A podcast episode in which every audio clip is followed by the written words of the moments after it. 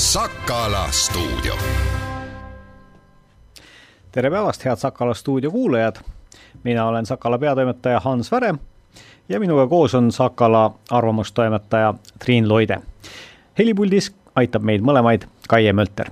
ja räägime äh, nagu ikka teisipäeviti sellest, mis on põnevat, olulist ja, ja äh, silmapaistvat toimunud Viljandimaal äh, viimase nädala jooksul.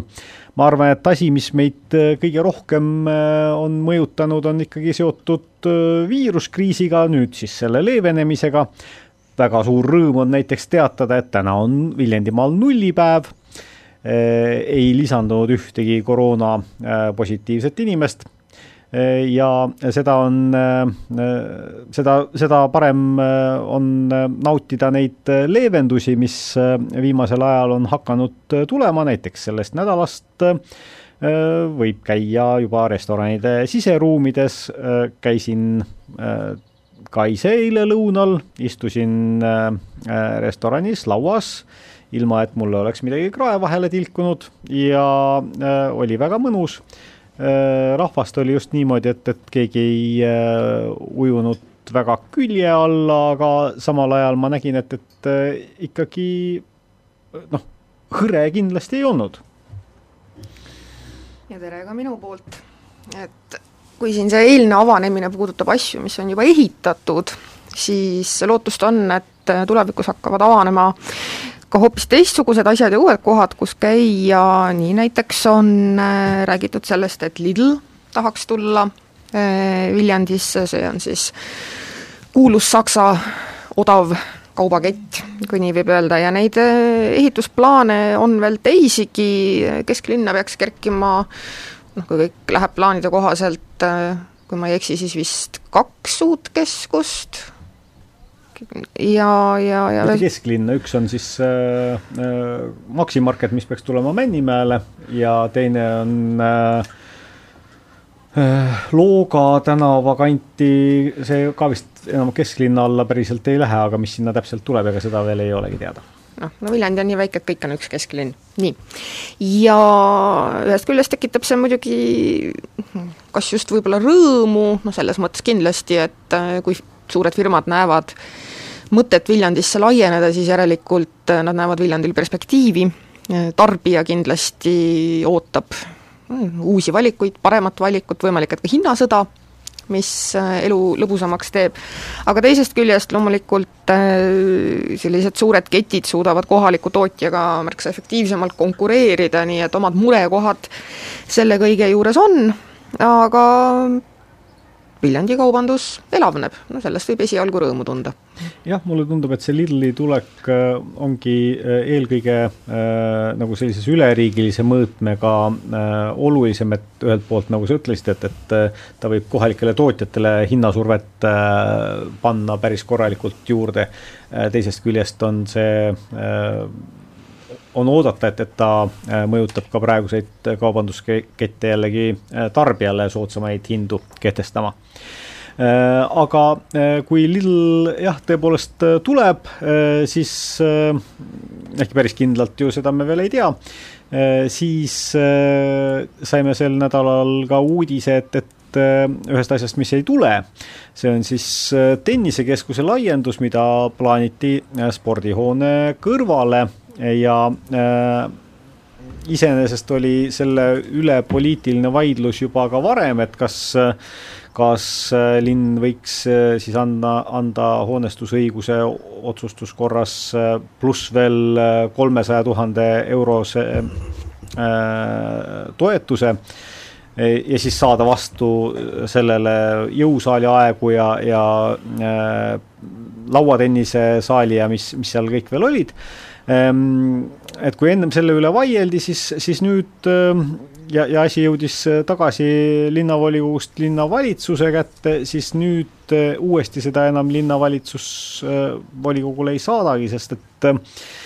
sest et ehm, tennise, osaühing Tennisekeskus eh, lisas oma hoonestusõiguse saamise soovi sellise punkti, et kui arendus kavandatud ühe koma kuuekümne ühe miljoni euroga valmis ei saa, siis äh, jätab ta endale õiguse linnale ehitamata jätta see lauatennisesaal ehitamata ja, ja liftišaht ja ka sada viis tuhat jõusaalitundi aastas või vabandust, mitte aastas, vaid järgmise seitsme aasta jooksul oleks ära jäänud. et kuigi pärast siis selgitas tennisekeskuse juhatuse esimees Mark Orav, et, et see oli nagu pigem selline äh, ettepanek, mitte nüüd raudkindel äh, tingimus, et siis äh, see oli midagi, mis ehmatas enamiku poliitikuid ära ja, ja praegu on siis tennisehalli laiendamise plaan pandud kalevi alla. Mida ei ole pandud kalevi alla, on äh, Viljandimaa vabadussõjas langenute mälestussamba taasloomine eile siis äh, laekus uudis, et osaühingute kivikuvand ja T-mudeli ühispakkumine on vastu võetud ja sammas läheb siis nüüd teadaolevate andmete kohaselt maksma kuussada kuuskümmend tuhat eurot no ühest küljest võib muidugi diskuteerida, et kas keerulistes majandusoludes, kärbete tingimuses ja nii edasi on nüüd see samba ehitamine kõige mõistlikum, aga riik on raha selle jaoks juba eraldatud, inimesed on oma annetused teinud, aga nüüd, mis on kurioosne, on see, et äh, praegu on selle samba ehitamisest puudu viiskümmend tuhat eurot. et äh, sambad ja kas tuleb meelde mingi sammas, mis on maksnud viiskümmend tuhat eurot? ma ei tea, mul nagu midagi on meeles midagi on, aga vot mul praegu ei tule meelde. jah, noh, tegelikult äh, viiskümmend tuhat eurot läks siis täpselt äh, linnale maksma praegu jätkuvalt kastis istuv kuulus, tõepoolest kuulus Jaak Joala ausammas, mille, mille saatus on äh, sama lahtine kui see kast ise, see kast on pealt lahti ja täitsa huvitav oleks teada, mis arutelusid see on linnavalitsuses äh, põhjustanud, aga no vot, kui need äh, salaveetorud on kord juba rahast tühjaks tehtud, siis äh, ei ole midagi teha. eks näis, kuidas see olukord laheneb, aga küllap nad selle raha kuskilt ikka leiavad. No ma arvan, et viiskümmend tuhat on tõesti selline, selline summa, mis väga suuri raskusi praegusel ajal ei tohiks tekitada, ehkki mine tea, siin mõningaid äh, mõningaid arendusi on ju koomale tõmmatud ja, ja kulusid koomale tõmmatud palju väiksemate äh, summade pärast. aga ma usun, et, et äh, jah, see on niivõrd sümboolne äh,, sümboolne asi mida on väga pikalt edasi lükatud ja, ja mida on äh, äh, väga kaua aetud, äh, nii et ma usun, et, et noh, küllap saadakse sellest koera sabast ka üle, kui, kui juba eh, poole miljonile koer on ületatud ehm, aga nüüd on siis eh, võib-olla tuleks meie põhiteema juurde, eh, vähemalt selle saate esimese poole põhiteema juurde. saate teises pooles räägime juba kultuuriteemadel ja sellest, kuidas läks Ugalal pärast pikka pausi esimene äh, publikule avatud õhtu, aga äh, sündivus, sün-, vabandust, sündimus on, äh, on teinud meil siin viimasel kuul väga kummalise kukkumise. ehk siis saja aasta jooksul pole ühelgi kuul sündinud nii vähe lapsi kui tänavu aprillis. ja Viljandimaal kokku äh, sündis neid äh, neliteist. noh, see on rohkem kui poole vähem, kui tavaliselt äh, tavaliselt on olnud, et, et siin on olnud, ütleme, ikkagi üle kolmekümne alati mõnel aastal ka nelikümmend üks, nelikümmend kolm ma just aprillikuu sündimusest räägin nüüd, et äh, aga, aga mitte kordagi alla kolmekümne, rääkimata siis sellest, et oleks alla kahekümne olnud. ja Viljandi linnas, suures Viljandi linnas sündis aprillis ainult viis last. ja müstika, keegi ei oska öelda, mis, mis siis juhtus? no ilmselt on siiski tegu äh, lihtsalt sellise statistilise anomaaliaga, et äh, eks see sündide hulk Viljandimaal ongi piisavalt väike, et äh, see tõe, tõenäosus, et ühel perel tuleb mingi majanduslik krahv või midagi sellist teisel ka ja nii edasi ja siis see sündide arv kukubki, sellepärast et noh, eelmisel, sellele kuule, eelneval kuul oli see sündide arv täitsa normi piires ja nii palju, kui ma olen aru saanud, siis ka nüüd maikuus on ta normi piires. mis juhtus, ei tea, aga no ilmselt see viib ikkagi mõtted sellele, et kas me näeme ja millal me näeme ära ka võib-olla selle momendi, kus Viljandimaal äh, ei sünni mitte ühtegi last. Äh, kui suur tõenäosus sa mõtled kuu jooksul? jah, kuu jooksul äh, kui suur tõenäosus selleks on, ma ei tea, aga eks need äh, nii-öelda ääremaastumise prognoosid äh, väga roosilised ei ole. jah, eks äh, kõige lihtsam on muidugi praegusel ajal vaadata pandeemia otsa ja süüdistada seda kõiges, noh, võiks ju näiteks spekuleerida, et, et inimesed sellisel äreval ajal ei taha peret suurendada aga äh, paraku ei näita teiste maakondade statistika sellist, sellist ähm, muutust ja, ja noh, ei ol-, ei olnud ka ütleme, eelmise aasta aprill oli ikkagi juba selline Äh, või mitte eelmise aasta aprill, vaid kui aprillist nüüd üheksa kuud tagasi lugeda, et siis, siis me saame ikkagi sellise äh, üsna viirusevaba perioodi, kus pigem äh, olid inimesed lootusrikkad ja, ja tundus nagu, et asi, asi on kontrolli all. aga eks ta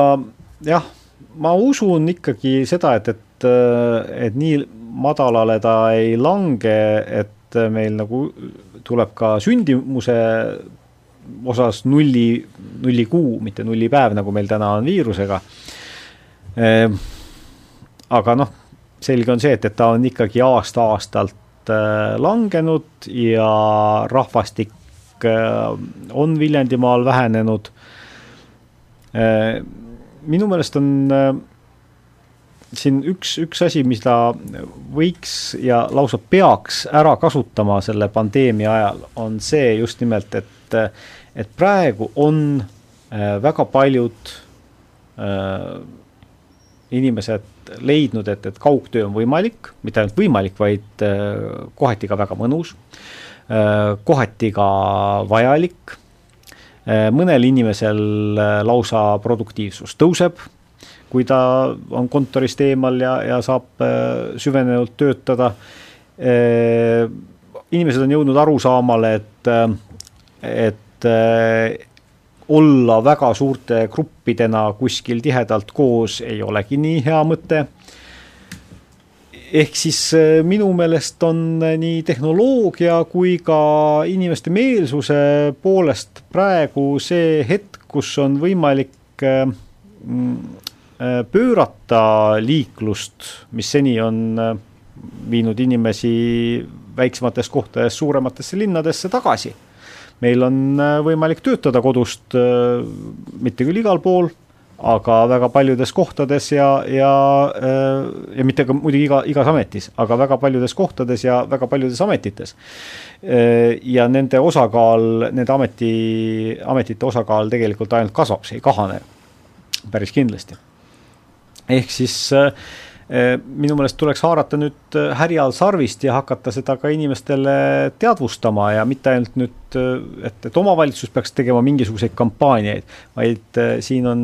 ikkagi ka riigi asi astuda neid samme, et, et, et muutunud maailmaga kohaneda mm. üks asi on see, et, et me vajame tegelikult niikuinii juba teatavat äh, maksureformi, mis võtaks äh, äh, raskuse tööjõumaksudelt ära ja, ja viiks selle mingisuguse muu, kas siis vara või, või keskkonna või ressursimaksude peale, sellepärast et lihtsalt mida rohkem auti-, automatiseeritakse, mida rohkem tööd teevad robotid, seda raskem on ka maksustada tööjõudu või noh, see, see, see ütleme, mitte raskem ei ole võib-olla maksustada, see on ikkagi e, e, lihtne, on ta, sama lihtne on ta endiselt, aga äh, kuskil tekib, luuakse väärtust, mis ei kajastu enam tööjõukuludes ja tööjõumaksudes. ja teine asi on see, et, et, et mida peaks riik nüüd siis äh, selle maksusüsteemi juures muutma, on ka see, et, et äh, et oleks võimalik kas või kahes omavalitsuses siis äh, registreerida ennast maksumaksjaks ja, ja jaotada ka siis neid tulusid, millest me siin eelmises või üle-eelmises saates me rääkisime sellest koolikohtade äh, kontekstis äh, põgusalt, et, et, et, et noh, inimestel ongi mitu elukohta ja ja tänapäeval see ongi üha normaalsem, aga, ja ma tahaks näha tegelikult seda, et, et, et võib-olla ka ikkagi jah, see esimene elukoht nii-öelda saaks olema väljaspool suuri linnasid. aga väga paljudel paratamatult on ikkagi, jääbki kaks elukohta ja seega oleks ka igati õige ja õiglane eh, ja mitte ainult õige ja õiglane, vaid tegelikult ka möödapääsmatu, sest nad te, ju tarbivad ka teenuseid erinevates kohtades, et ka maksud laekuksid äh, ikkagi mõlemasse elukohta. No mina jäin selle teema juures hoopiski mõtlema sellistele võib-olla suurematele küsimustele, et äh, jah, kaugtöö kindlasti lahendab ühe selle probleemi ära, mis koondab inimesi kõigepealt maakonnast äh, kokku Viljandisse, Viljandist Tartusse ja Tallinnasse ja Tallinnast äh, Londonisse ja Oslosse ja nii edasi. et kui ei ole tööd, siis ei ole võimalik elada, et me oleme oma ühiskonna üles ehitanud niimoodi, et sul on vaja raha. sellist varianti tegelikult ei ole, et sa kolid vanaema tallu, isegi võib-olla otsustad, et äh, sa ei soovi elektrit, sa soovid elada üheksateistkümnendas sajandis, seda põhimõtteliselt siiski ei ole võimalik teha, sellepärast et sa pead maamaksu tasuma ja nii edasi. see on sularaha sissetulek kodualuse maa eest ei pea aga noh, mingisugused kulud muidugi jäävad, aga samas on ka olemas sotsiaaltoetused ja, ja muud sellised asjad, mis väga minimaalsete nõudmiste puhul vist isegi võimaldaksid seda teha, kasvatades ise kartulit ja, ja seapõrsast ja noh, mingisugused on, aga aga see on üsna äärmuslik see on niisugune väga jah, mõttemäng et kui on see kaugtöö võimalus, siis see kindlasti avardab seda maailma. Ja aga no muidugi läheb tõenäoliselt äh, päris mitu aastat, enne kui inimesed hakkavad järele jõudma, sest äh, noh, eks praegu ole ka see, et selleks, et seda kaugtööd teha, peab sul ilmselt ikkagi mingisugune töökogemus selja taga olema, et need põhilised nii-öelda näiteks lastesaajad või, või või nii edasi, need kahekümnendates, kolmekümnendate alguses olevad inimesed, et nad võib-olla siiski peavad veel mõned aastad olema nendes suuremates linnades aga et, et üldiselt ju sündimus ja muu säärane, et et, et me armastame rääkida ikkagi sellest, et mida saavad teha kohalikud omavalitsused ja mida saab teha riik, aga eks seal ole ka palju sellist, mis läheb Eesti riigist kauge kaarega üle. me, praegu tegelikult on majandusolud suhteliselt ärevad. Et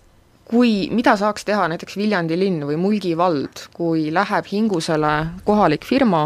äh, üleüldise globaalse majanduslanguse tõttu. ega nad eriti midagi teha ei saaks. see on üks põhjus, mis hoiab inimesi linnades, see on see, et kui ma kaotan töö, siis ma leian teise töö. Äh, inimene, kellel on praegu võimalus teha kaugtööd, see on ikkagi paras risk äh, panustada kõik sellele, et nüüd ma teen kaugtööd ja ma saangi kaugtööd teha ja nii jääbki ja kolida siis kusagile maale, et äh, kindlasti ta natukene leevendab, aga ma ei ole kindel, kindel, kui palju. ja, ja, ja kui me räägime laste sündivusest, siis äh, tihtipeale räägivad laste sündimisest ja, ja sündimusest ja, ja arv, rahvaarvust ja nii edasi, need inimesed, kellel on lapsed juba ammu sündinud, kes ei ole ise noored, kes ei ole ise need, kes langetavad selle otsuse, et kui palju nad lapsi saavad. et kui rääkida inimestega, siis tegelikult on päris palju sellist lootusetust, mis ei ole seotud Eestiga üldse, vaid on seotud üleüldse planeedi tulevikuga, sest järjest rohkem hakkab tulema uuringutes välja see, et inimesed lükkavad laste saamist kas edasi või, või jätavad üldse ära näiteks keskkonnateemadel noh, põhimõte siis see, et kuidas ma sünnitan selle lapse maailmasse, kui ma tegelikult ise niimoodi vaikselt loodan, et äkki mul õnnestub oma elu niimoodi ära elada, et asjad ei lähe väga hulluks. ja siin on juba raske kohalikel omavalitsustel ja riikidel midagi teha, et seda, seda suurendada, ja see puudutab tervet maailma, kogu, kogu arenenud maailma et ma ei tea, mul tuli selline mõte, et selleks, et vältida seda nullikuu saabumist, et me räägime palju et kui me, kui me vaatame näiteks keskkonnateemadel, siis on kolm põhilist lähenemist, esimene see, et me eitame neid. et fossiilsed kütused kestavad igavesti, lööme aga järgmise põlevkivitehase, mis iganes, püsti ja kõik läheb väga hästi, et see roheliste jutt on, on, on üks rumalus, on välja mõt-, välja mõeldud. teine on see, et tehakse seda sellist kuidas öelda, pindmist, vee segamist, võib-olla isegi natukene rohepesu, et noh, sel-, sel-, selge on see, et äh, kõrte keelustamine ei päästa maailma ja nii edasi. on olemas ka see kolmas suund, see on see, millest tegelikult minu arvates kõige, kõige rohkem puudus on see, et seda kindlustunnet inimestele anda, et jah, et ma võin näiteks lapsi saada, ma võin riskida sellega, et et noh, et ma, ma julgen võtta selle riski, ma loodan, et äh, minu, minu lastelastel on äh, hea tulevik. Äh, see on see seisukoha võtmine, et aga mis siis, kui asjad lähevad halvasti, kuidas me valmistume selleks?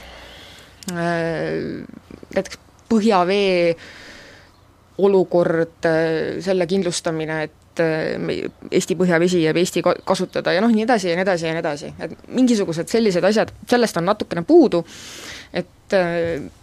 ma ei tea, keeruline, väga keeruline ülesanne, mida lahendada noh, eks see kindluse loomine algabki sellistest väikestest asjadest, nagu näiteks ühekordsete joogikõrte keelustamisest. aga äh, tõsi on see, et, et see on omaette küsimus, kas me peame nii-öelda, kas rahvastiku kasv on üleüldse selline, mis on hea äh, või tegelikult me peaksimegi leppima näiteks sellega, et meil on siin miljon elanikku, aga sellisel juhul tuleb just nimelt välja mõelda, kas siis maksusüsteemina või, või tootmisahelate ümberkorraldamisena äh, see, kuidas need nende miljoni elaniku heaolu äh, hoitakse vähemalt samal tasemel või tegelikult ikkagi kasvatatakse. aitäh, Triin, arutlemast praegu ja äh, läheme siit uudistepausile, pärast seda juba äh, stuudios Karmen Tabor, Ugala teatrijuht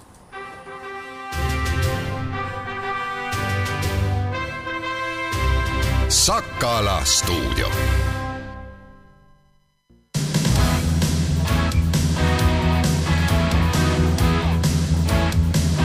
raadio Kuku.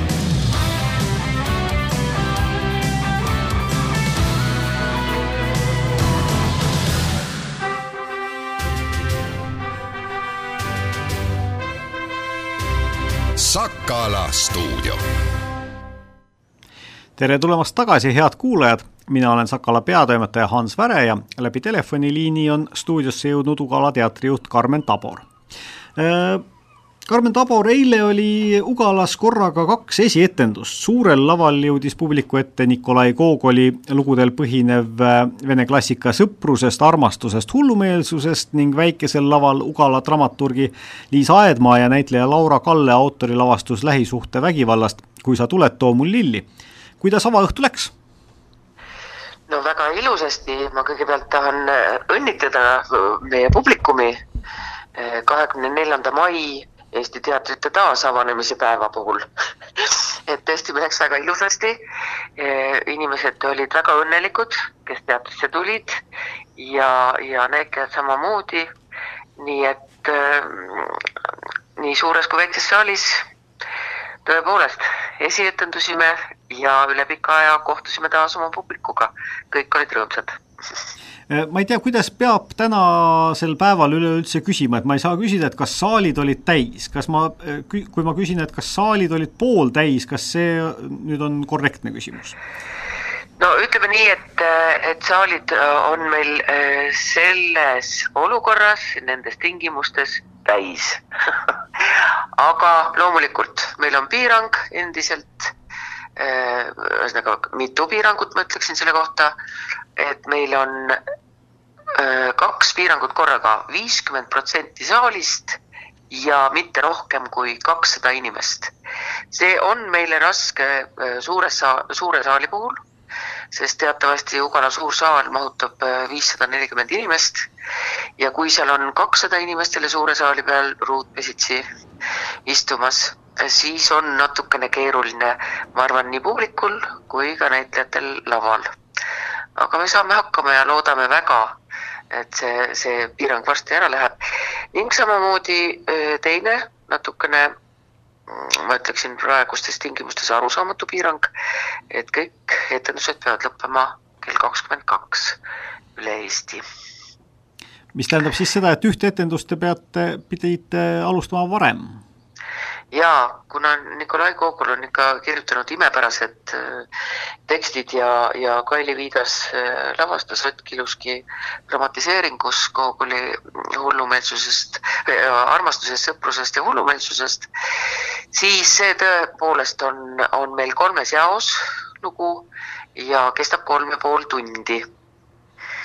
et vaatused ei ole iseenesest äh, pikad, aga, aga kogu õhtut täitev lavastus ühesõnaga. väga meeleolukas, väga erinevate mõtetega ja nii edasi. aga tõepoolest selle lavastuse me olime sunnitud äh, noh, alustama teda siis tund aega varem. teised äh, etendused toimuvad meil tavapäraselt kell seitse nii siin Viljandis, kui meil on ka veel mõned väljasõidud selle kuu aja jooksul, mis me oleme veel avatud, mängime oma repertuaari kuni neljateistkümnenda maini. pärast seda on meil veel ka külalised teatrumist ehk siis noored äh, lavajõud, tulevased äh, muusikaakadeemia lavakooli kolmekümnes lend tuleb, mängib veel üheksateist kakskümmend Ugala teatri väikses saalis äh, Edward Vilde Tabamata imet Lembit Petersoni lavastuses ja mul on väga hea meel teatada, et eile me küll esietendusime, aga praegu, täna just nimelt, on noored lavajõud äh, meil praegu Ugala laval ja teevad seal proovi. mis lavajõud need on? Äh, need on needsamad, kes äh, tulevad, mängivad üheksateist, kakskümmend juuni Tabamata imet. see on siis lavakooli kolmekümnes lend ja nendel on suur rõõm ja au avada Ugala hooaeg sügisel eh, üheksateistkümnendal, ei kaheksateistkümnendal eh, septembril lavastusega Suveöö unenägu. töö juba käib. Te avate uue hooaja septembris, aga samas mängima hakkate juba augustis. jaa eh, meil ongi üsna, üsna selline tavapäratu tegelikult see olukord, et et, nüüd no ütleme niimoodi, et see on nagu pikenenud hooaeg. tavapäraselt meil on olnud ikkagi nii, et juunis on juba suvelavastuste aeg, aga seekord, kuna on kogu hooaja jooksul olnud erinevad peatused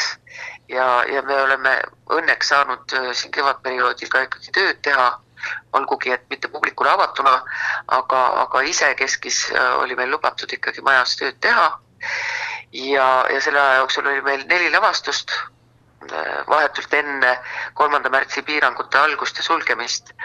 esietendusid suurel laval Surnud mees ja väiksel laval Leskede kadunud maailm ja neid me praktiliselt ei ole saanud eriti mängida. Ja nüüd siis ka äh, need, mis eile esietendusid, et meil on sisuliselt neli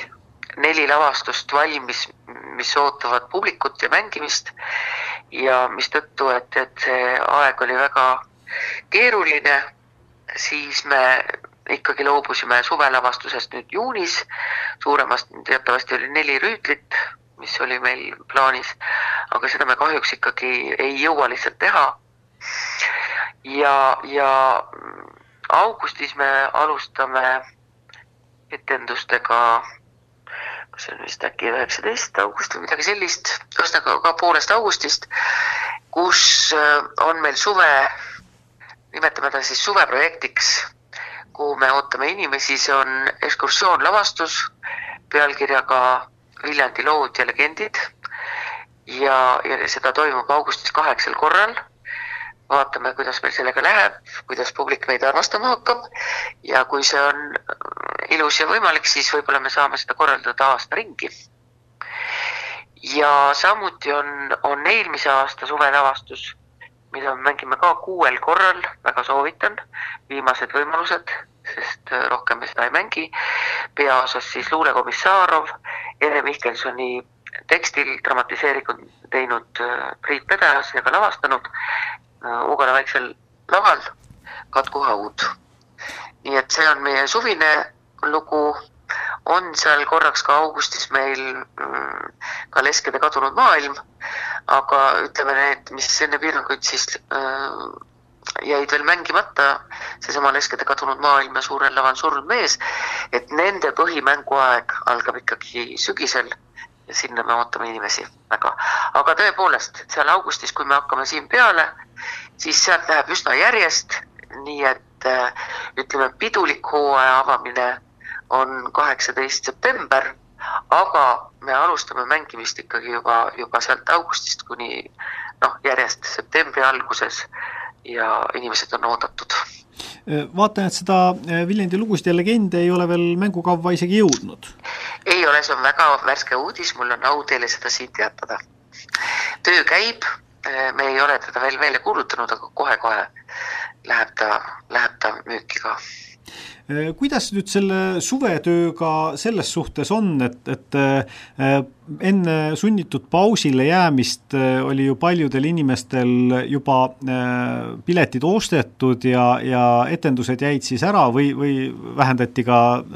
neid mahtusid, kui suurele publikule saab esineda, et kas nüüd suve jooksul te loodate saada neile kõigile inimestele teatrielamuse ära antud või, või äh, jäävad veel mingisugused võlad üles? ja me ikkagi väga loodame, sellepärast et äh, täpselt nii nagu eelmiselgi aastal, kui, kui see ehmatus äh, esimest korda tuli, nüüd me olime juba midagi õppinud, nii et me kohe asusime ja osalt juba oli olemas sügisene mängukava, nii et meil oleks võimalus publikule pakkuda asendusetendusi. me väga loodame, ja, ja me näeme üldiselt, et publik äh, meid äh, hoiab ja meil on tõepoolest palve, et inimestel, kellel on veel piletid kusagile, et äh, võtke ühendust, ka meie teater ise võtab otseühendust, et, et katsuge oma piletid võimalikult varakult ära vahetada. et meil ei jääks aasta lõppu mingisugust, neid piletid ikka veel on. me katsume ja püüame seda võlga, võlga õgvendada, aga, aga jah, et siin, siin tuleb olla tähelepanelik vastastikku. et sügisesed äh, etenduskorrad on juba olemas, aga, aga on ka siin juba, mida me püüame nüüd ka selle kuu aja jooksul, mis meil on siin äh, suvel nüüd jäänud siin juunikuus, juunikuuni, et ka sinna on veel mõningaid pileteid äh, ikkagi saada ja me tõesti palume, et, et, et publik äh, oleks ka ise aktiivne ja, ja teeks oma otsused, äh, et, et vahetada need piletid võimalikult varakult ära, äh, et mitte jätta neid päris aasta lõppu. Mida selline manööverdamine teatrile rahalises mõttes tähendab, püsikulud on ju teil suures osas samad, sõltumata sellest, kas etendusi toimub, samas tulud heal juhul pool võimalikust no tulusid ei ole, ütleme nii ikkagi. praegu oleme ikkagi miinustes mm -hmm. Se selle, selle poole pealt, sellepärast et äh, ma tahan ikkagi korraks veel selgitada seda, et, et meil on suur maja ja, ja me oleme sihtasutus, et mingil määral äh, riik meid ikkagi toetab ja see on väga suur asi. aga äh, ikkagi peaaegu, et pool oma tuludest tuleb meil teenida ise mille hulka siis lähevad ka tõesti ka tööjõukulud ja nii edasi. et, ähm, et see on natukene keeruline olukord, aga me loodame ikkagi hakkama saada. see ei ole mitte natukene ja... keeruline olukord, vaid see on väga keeruline olukord. no ma tahan olla pisut tagasihoidlik, et inimesi mitte ära äh, hirmutada selle pärast, et ega siis teater ei ole ainus meie vabariigis ja ütleme üle maailmas, üle maailma, kellel on keeruline olukord. aga, aga meil on, meil on siiski ka lisaks riigile ka toetajad. et me loodame väga Viljandi Metall ja, ja Puidukoda, et, et me saame minna sügisel hooajale vastu ikkagi, ikkagi töiselt, et, et töö ei jää seisma. Te, et ikkagi te... töökojad töötavad ja valmistavad ette juba uusi rahakujundusi ja kõik aga väga teretulnud on, kui, kui kas Viljandist või üle Eesti leidub firmasid, kes tahaksid meid toetada. Selle kohta ütlen ma nõnda et ei saa ju nii-öelda noh, personalikulusid vähendada, äh, inimesed äh, peavad olema tööl, maja peab olema kaet-, köetud, elekter sees ja nii edasi, et, et kust siis kokku hoida, ei ole teil ka ühtegi orkestrit, mida ära kaotada, ega, ega sõjaväeosa, mida, mida kinni panna. et kas äh, kas see tähendab siis äh, nii-öelda, et, et etendusi tehakse väiksema eelarvega, et, et just nimelt see, see dekoratsioonide ja muu selline pool või, või ku, kuidas sellises olukorras kokku hoida? ma arvan, et meie põhi, põhiline pääste on ikkagi see, kui me saame mängida ja ma loodan, tõesti loodan, et, et see piirang kakssada varsti lahkub, sest nagu me näeme, numbrid kahanevad, olukord muutub paremaks ja, ja loodetavasti inimesed on ikka endiselt vastutustundlikud ja seda me näeme teatris ka, et meie põhiasi on ikkagi see, et kui me saame mängida ja inimesed tulevad meid vaatama ja käivad meie suurepärase vaatega kohvikus ka lõunatamas, siis, siis me püüame ikkagi hakkama saada. aga keeruline ta on, jah keeruline on, aga, aga mitte ainult meil, ütleme veel kord. et me oleme väga tänulikud, kui noh, tundub ikkagi, et publik meid armastab, meil on piisavalt kõrgel kunstilisel tasemel lavastused, mida, mida oma publikule pakkuda, nii et äh, see on meie ainus pääse, ma arvan äh, mainisite neid piiranguid, äh, näiteks seda, et, et enne kella kaht kahtekümmend kahte peab äh, jõudma äh, üritus lõpule, et noh, ilmselt on see siis äh, pandud paika, et, et vältida mingisuguseid ööklubide laadseid koldeid ja, ja kus võib-olla on äh, inimeste käitumine natukene kontrolli alt rohkem väljas kui teatrisaalis. on teil mingisugust infot selle kohta, et, et kas teatritele, kontserdisaalidele kavatsetakse selles suhtes mingisuguseid erandeid teha või, või ei, erandeid ei tehta, äh, nagu neid ei tehtud ka praegu, kuigi tegelikult minu meelest kõik need valged raamatud ja, ja foorid ja numbrid, mis siin on öeldud, selle järgi tegelikult oleks võinud juba teatreid lubada, äh, sellepärast et äh, teatris noh, natukene ikkagi tuleb eraldada, see ei ole kõik meelelahutus, minu meelest on vastupidi, teater tegeleb meele kokkupanemisega ja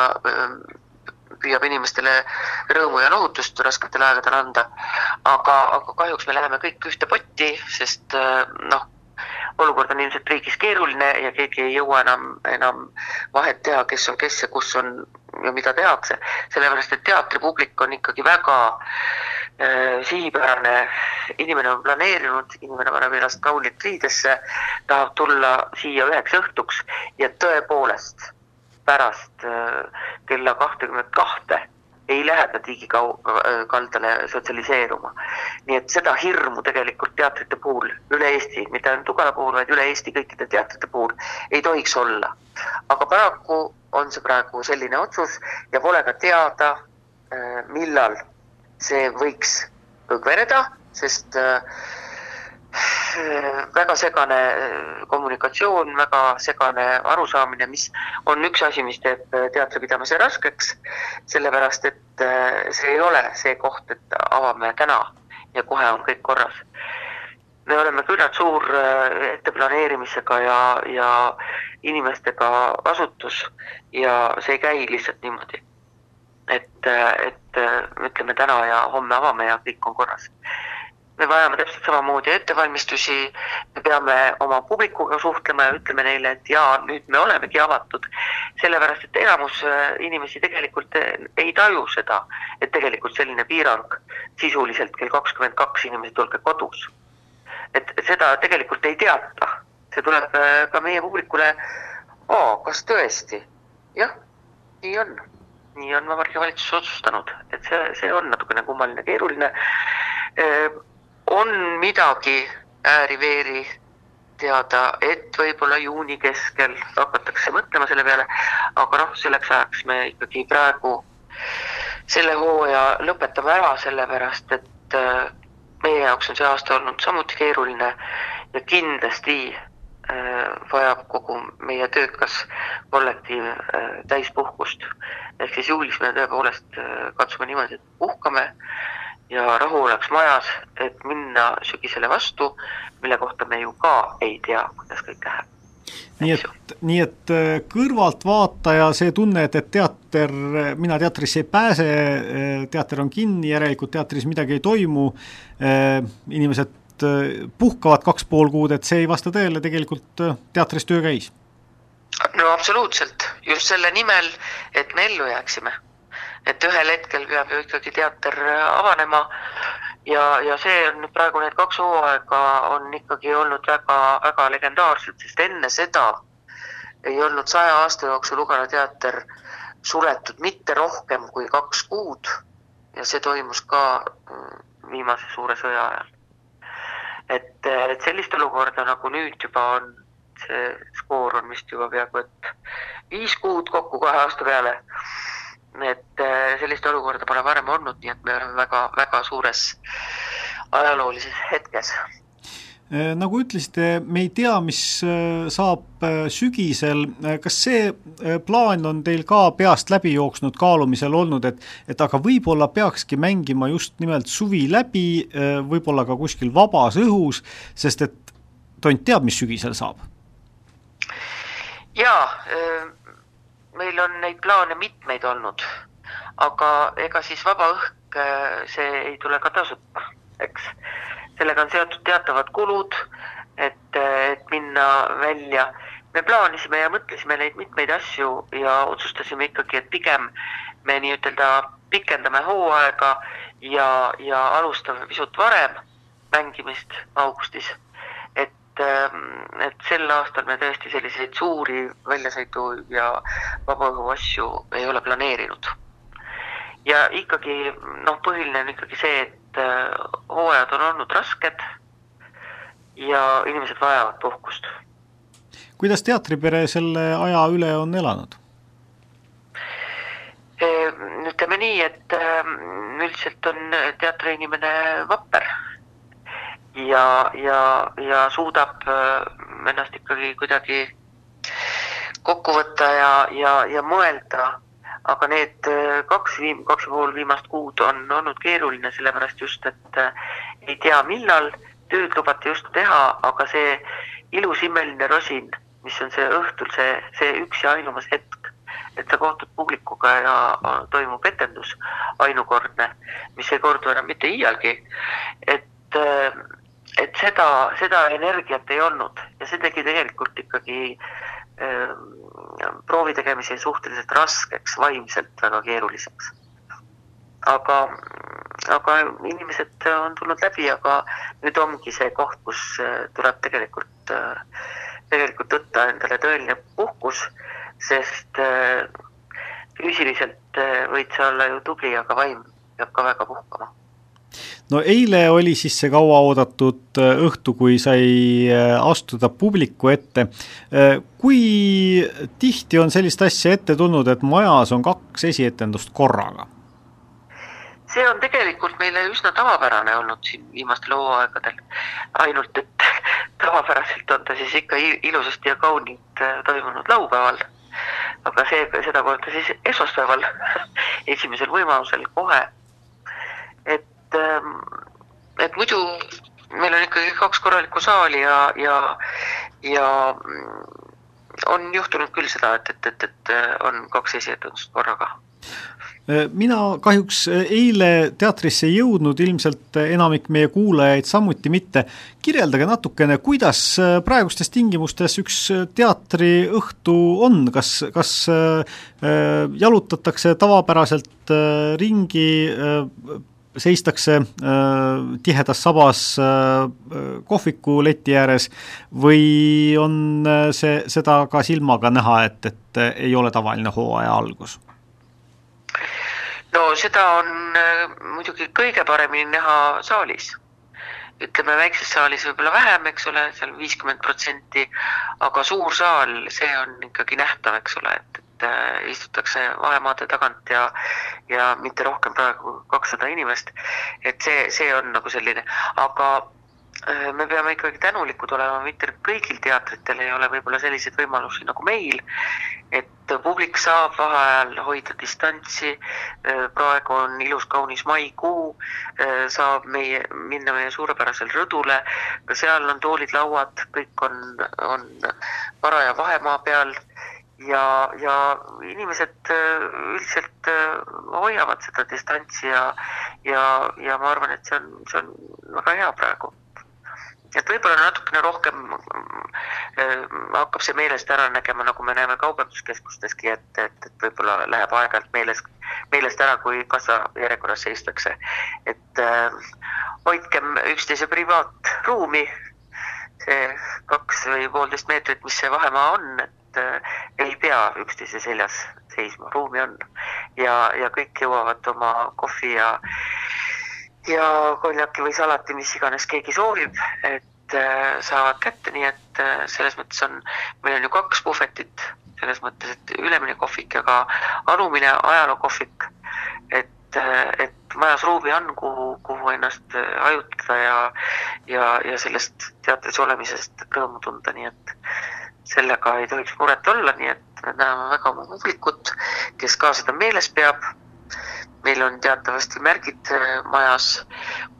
äh, tsitaadiga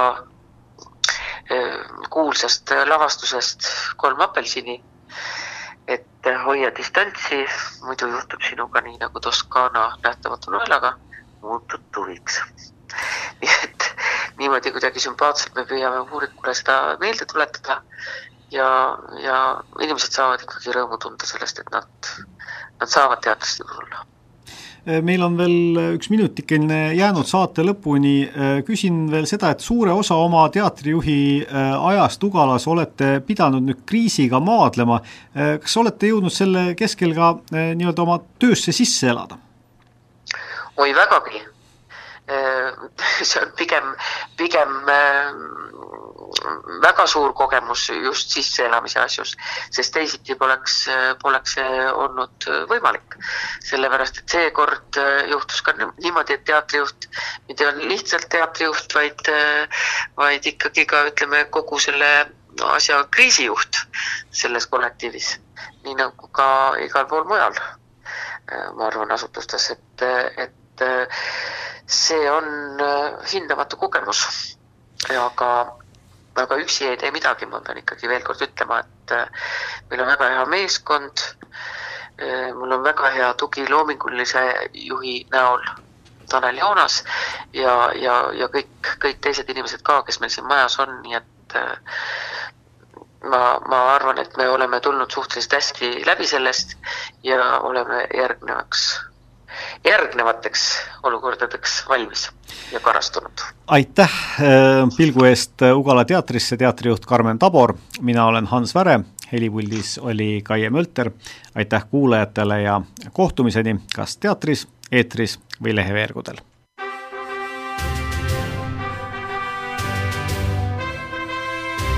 Sakala stuudio